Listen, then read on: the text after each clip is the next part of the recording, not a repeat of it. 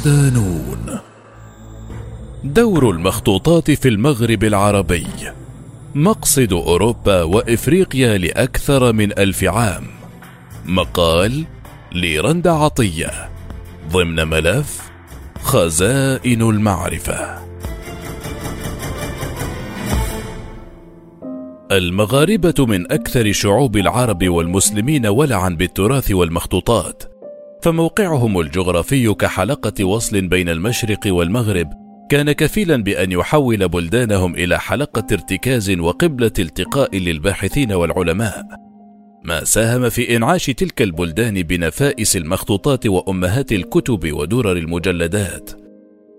وتعد بلدان المغرب العربي من أوائل الأمصار التي أوفدت بعثات للخارج للحصول على المخطوطات ونسخها والاستفادة منها فنقلوا من الأندلس وحضارتها ثم أضافوا إليها تنقيحا وتحقيقا حتى تحولت مكتباتهم إلى جامعات يقصدها الباحثون من كل حدب وصوب ما أدى في النهاية إلى امتلاكهم تلك النخبة النفيسة من المخطوطات التي تميزهم عن غيرهم.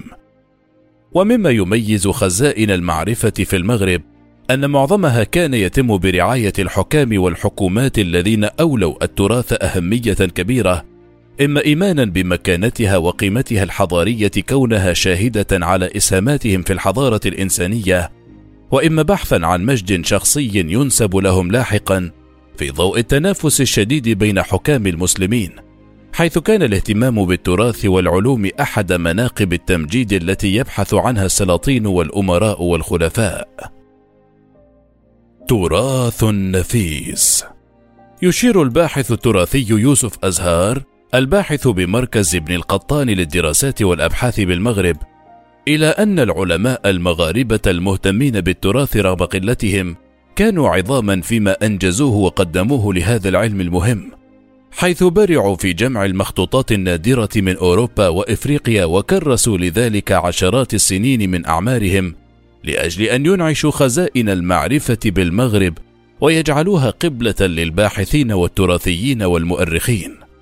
وأوضح أزهار في ورقة بحثية له أن من بين العلماء الذين حفروا أسماءهم بماء الذهب في هذا المجال العلامة محمد عبد الحي ابن عبد الكبير الكتاني المتوفى عام 1382 هجرية وهو صاحب كتاب تاريخ المكتبات الإسلامية ومن ألف في الكتب.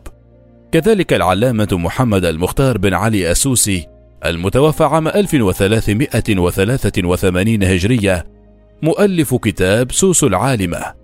تحدث فيه عن الخزائن الخاصة السوسية ثم العلامة محمد بن عبد الهادي المنوني المتوفى عام 1420 كان المغاربة يميلون إلى إطلاق مسميات على دور المعرفة والتراث غير كلمة المكتبة فكانوا يسمونها بيت الحكمة أو دار الكتب أو دار الحكمة أو دار العلم أو خزانة الكتب لما يؤمنون به من أهمية العلم كونه مرادف الحكمه التي ترتقي بالإنسانية وتصبغ الحضارة بالسمو والرقي.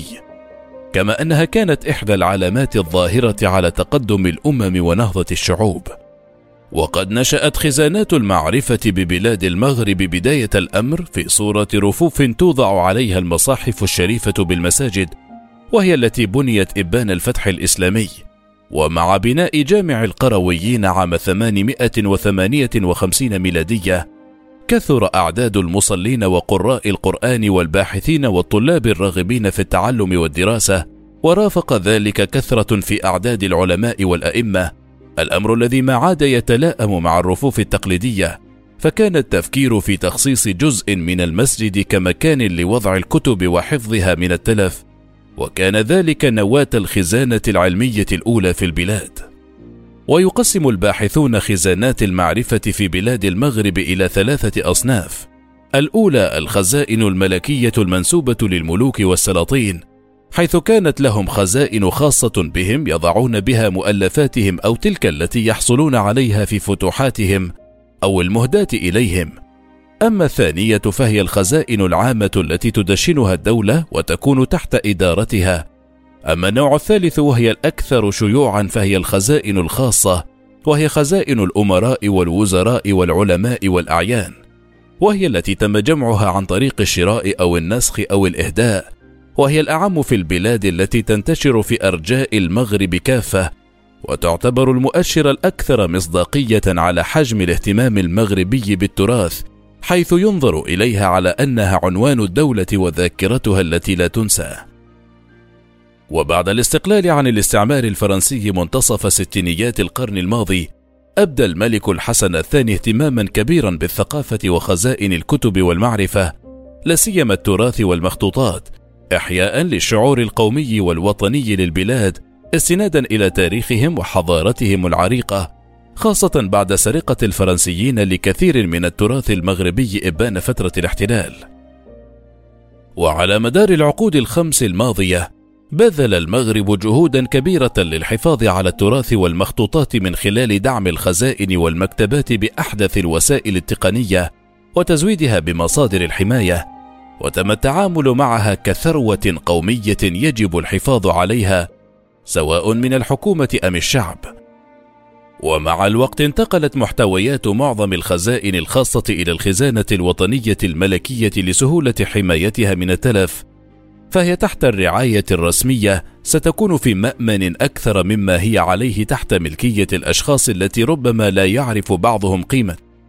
فهي تحت الرعاية الرسمية ستكون في مأمن أكثر مما هي عليه تحت ملكية الأشخاص التي ربما لا يعرف بعضهم قيمة ما يمتلكون، وهو ما يجعل تراث الأمة عرضة للضياع في أي وقت. الخزانة الملكية مركز الإشعاع الذي لا ينطفئ. تعد الخزانة الملكية أو كما تسمى الخزانة الحسينية بالرباط واحدة من أقدم خزائن المعرفة في التاريخ الإسلامي. فقد بدأت إرهاصاتها الأولى في القرن الثالث الهجري بين عامي 292 و 305 هجرية إبان حكم الإمام الإدريسي الذي حكم المغرب في ذلك الوقت. ثم تطورت بعد ذلك وصولا إلى شكلها الحالي بعدما باتت علما من أعلام المملكة. تحتضن الخزانة أكثر من أربعة عشر ألف مجلد مخطوط لديهم ثلاثون ألف عنوان وأربعون ألف مطبوع بجانب مئة وخمسين ألف وثيقة تاريخية من التراث النفيس في مختلف العلوم والمعارف وبشتى اللغات. وهو ما جعلها قبلة الباحثين داخل المغرب العربي وخارجه خاصة أن كل المخطوطات التي تقتنيها الخزانة ذات موثوقية عالية ومن الوثائق الأصلية.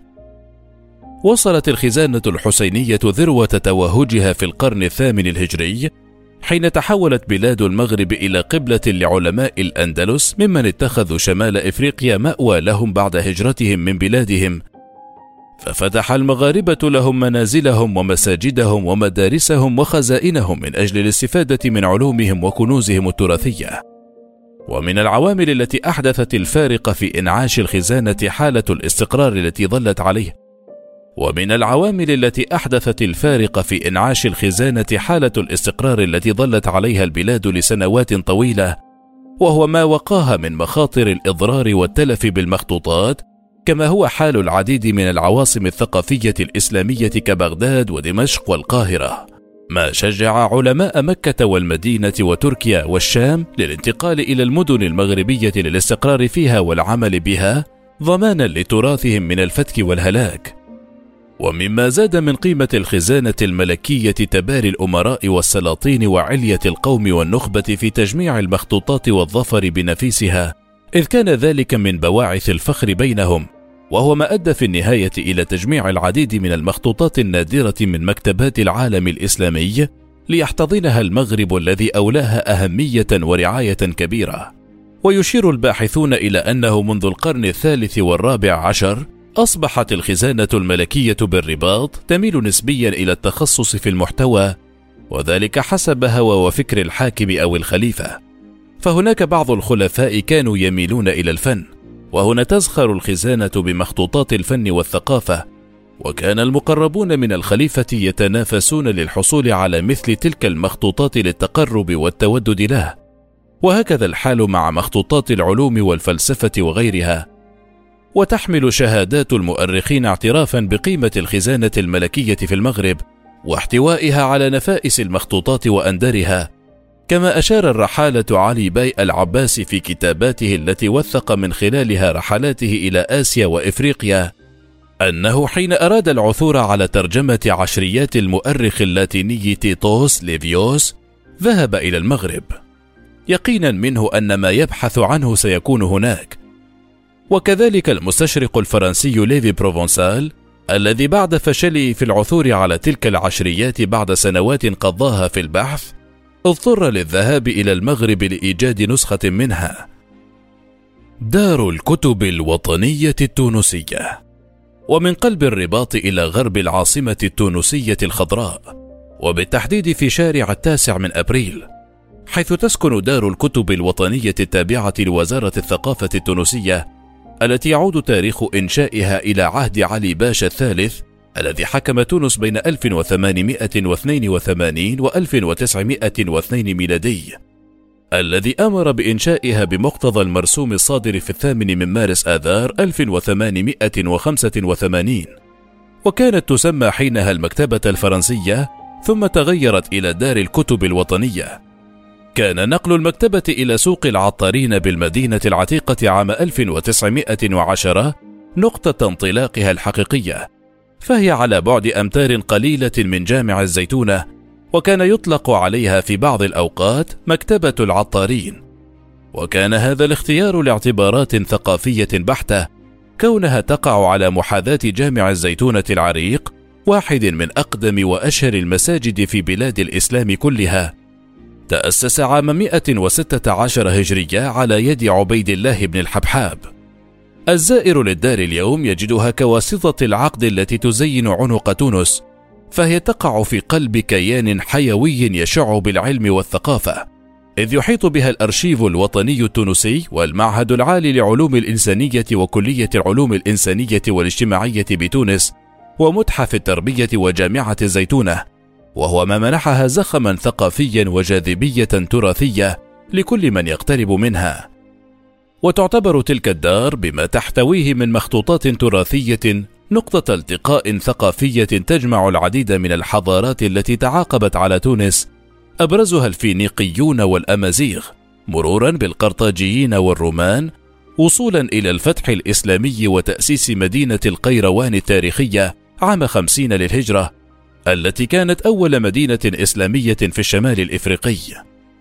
وفي السابع من سبتمبر أيلول 1967 صدر أمر رئاسي بجمع كل المخطوطات العربية والإسلامية من جميع المكتبات والزوايا التونسية ونقلها إلى دار الكتب الوطنية التي تحولت فيما بعد إلى منارة الثقافة والتراث في البلاد ومقصد الباحثين والمهتمين بالاطلاع على حضارة تونس وتاريخها الموثق على مجلدات ومخطوطات أصلية. لم تأخذ الدار وقتا طويلا لتكون بتلك القيمة الكبيرة، إذ أولى التونسيون حكومات وشعوبا أهمية فائقة للخزانة المعرفية الشهيرة، كونها عنوانا كبيرا لبلادهم وجهة التوثيق الأكثر مصداقية على إسهاماتهم الجليلة في الحضارة الإنسانية في ظل المنافسة الكبيرة بين تونس وجيرانها في هذا الشأن.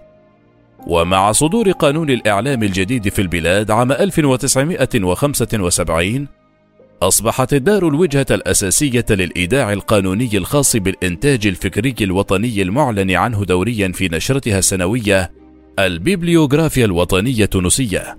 وأسند إليها مهمة إسناد الترقيم الدولي الموحد للدوريات وذلك عام 1976 وللكتب عام 1988 وبذلك دخل الكتاب التونسي حركة النشر العالمي. تتنوع المخطوطات التي تحتضنها الدار ما بين علمية وأدبية وتاريخية وفلسفية وبلغات شتى أبرزها العربية واللاتينية والفارسية والتركية والأمازيغية كما أن جزءا كبيرا مما تحتضنه من مجلدات يعود تاريخ طباعة بعضها إلى نهاية القرن السادس عشر ميلادي أي مع بداية ظهور الطباعة بجانب احتفاظها بمجموعات مهمة ونادرة من الدوريات التونسية. وتذهب التقديرات إلى أن الدار تحتوي على أربعين ألف عنوان من المخطوطات من إجمالي أكثر من مليون عنوان في شتى المجالات وثائق ومخطوطات ومجلدات أصلية ومصورة وساعد على بلوغ هذا الرقم القوانين التي سنتها البلاد التي تسمح بإيداع الكتب والمخطوطات والوثائق بالدار للحفاظ عليها وحمايتها. أزمة تحقيق التراث. رغم ما تزخر به خزائن المغرب العربي المعرفية من مخطوطات ذات قيمة عالية ووثائق نادرة ونفيسة حولتها إلى قبلة للباحثين والمهتمين. فإن هناك بعض التحفظات على تحقيق تلك المخطوطات من الباحثين التي يشوبها بعض الأخطاء كما ذهب مدير الخزانة الحسنية بالرباط أحمد شوقي بنبين الذي قال إن المخطوطات التي تم تحقيقها في المغرب ينبغي أن يعاد فيها النظر من جديد وأن يعاد تحقيقها من لدن علماء مؤهلين. وأوضح أن الكتب التي حققت ونال بها أصحابها جوائز كلها الآن يعاد تحقيقها من مجموعة أخرى من العلماء معتبرا أن تكليف طلبة غير مؤهلين بإنجاز تحقيقات علمية وتراثية وليس لهم تكوين علمي. أحد أبرز الأزمات التي تواجه التراث المغربي وتتطلب التدخل العاجل حفاظا على تلك الثروة الهائلة. وفجر مدير الخزانة الحسينية وهو صاحب تاريخ كبير في مجال التراث مفاجأة من العيار الثقيل حين أشار إلى أن معاناة التراث العربي الذي يعد أضخم وأغزر تراث مخطوط في العالم تتمثل في أن العرب لا يعرفون عنه شيئا وليس لديهم إحصاء دقيق له على غرار الأمم الأخرى. وتابع اللاتين أحصوا خمسمائة ألف مخطوطة في مختلف خزائن العالم وكذلك فعل العبريون والأوروبيون. حيث أحصوا خمسين ألف مخطوطة يونانية. أما نحن فلا نعرف شيئا عن تراثنا. هناك من يقول ثلاثة ملايين مخطوطة وهناك من يقول خمسة ملايين مخطوطة وهناك من يقول سبعة. وقدم الخبير التراثي نصائح عاجلة للنهوض بصناعة المخطوطات في بلاد المغرب العربي حفاظا على الكنز الذي تحت أيديهم. أبرزها تكوين الباحثين الأكفاء أو ما أسماه الرجل التراثي. المؤهل لممارسة تلك الأمانة العلمية على حد قوله. مضيفا المشكل هو أننا في الجامعات العربية لا نكون الرجل التراثي. لدينا مؤرخون وفقهاء وبلاغيون وأدباء لكن ليس لدينا تراثيون. وتابع نحن العرب لا علاقة لنا بالتحقيق وعلينا أن نقارن بين تحقيقات المستشرقين ونظرائهم العرب. دون الجنوح نحو مناقشة هل هم يعادون الإسلام وما إلى ذلك لأن ما يهمه هو جودة التحقيق. وهكذا ظلت بلاد المغرب منارة تراث وعلم لا يضام روادها وتبقى خزائن المعرفة بها مقصدا لا يغلق أبدا أمام كل الباحثين والمهتمين بالشأن التراثي داخل المغرب وخارجه لتبقى تلك البقعة كما كانت نقطة إشعاع حضاري ينثر أضواء الرقي الإنساني في شتى ربوع الأرض.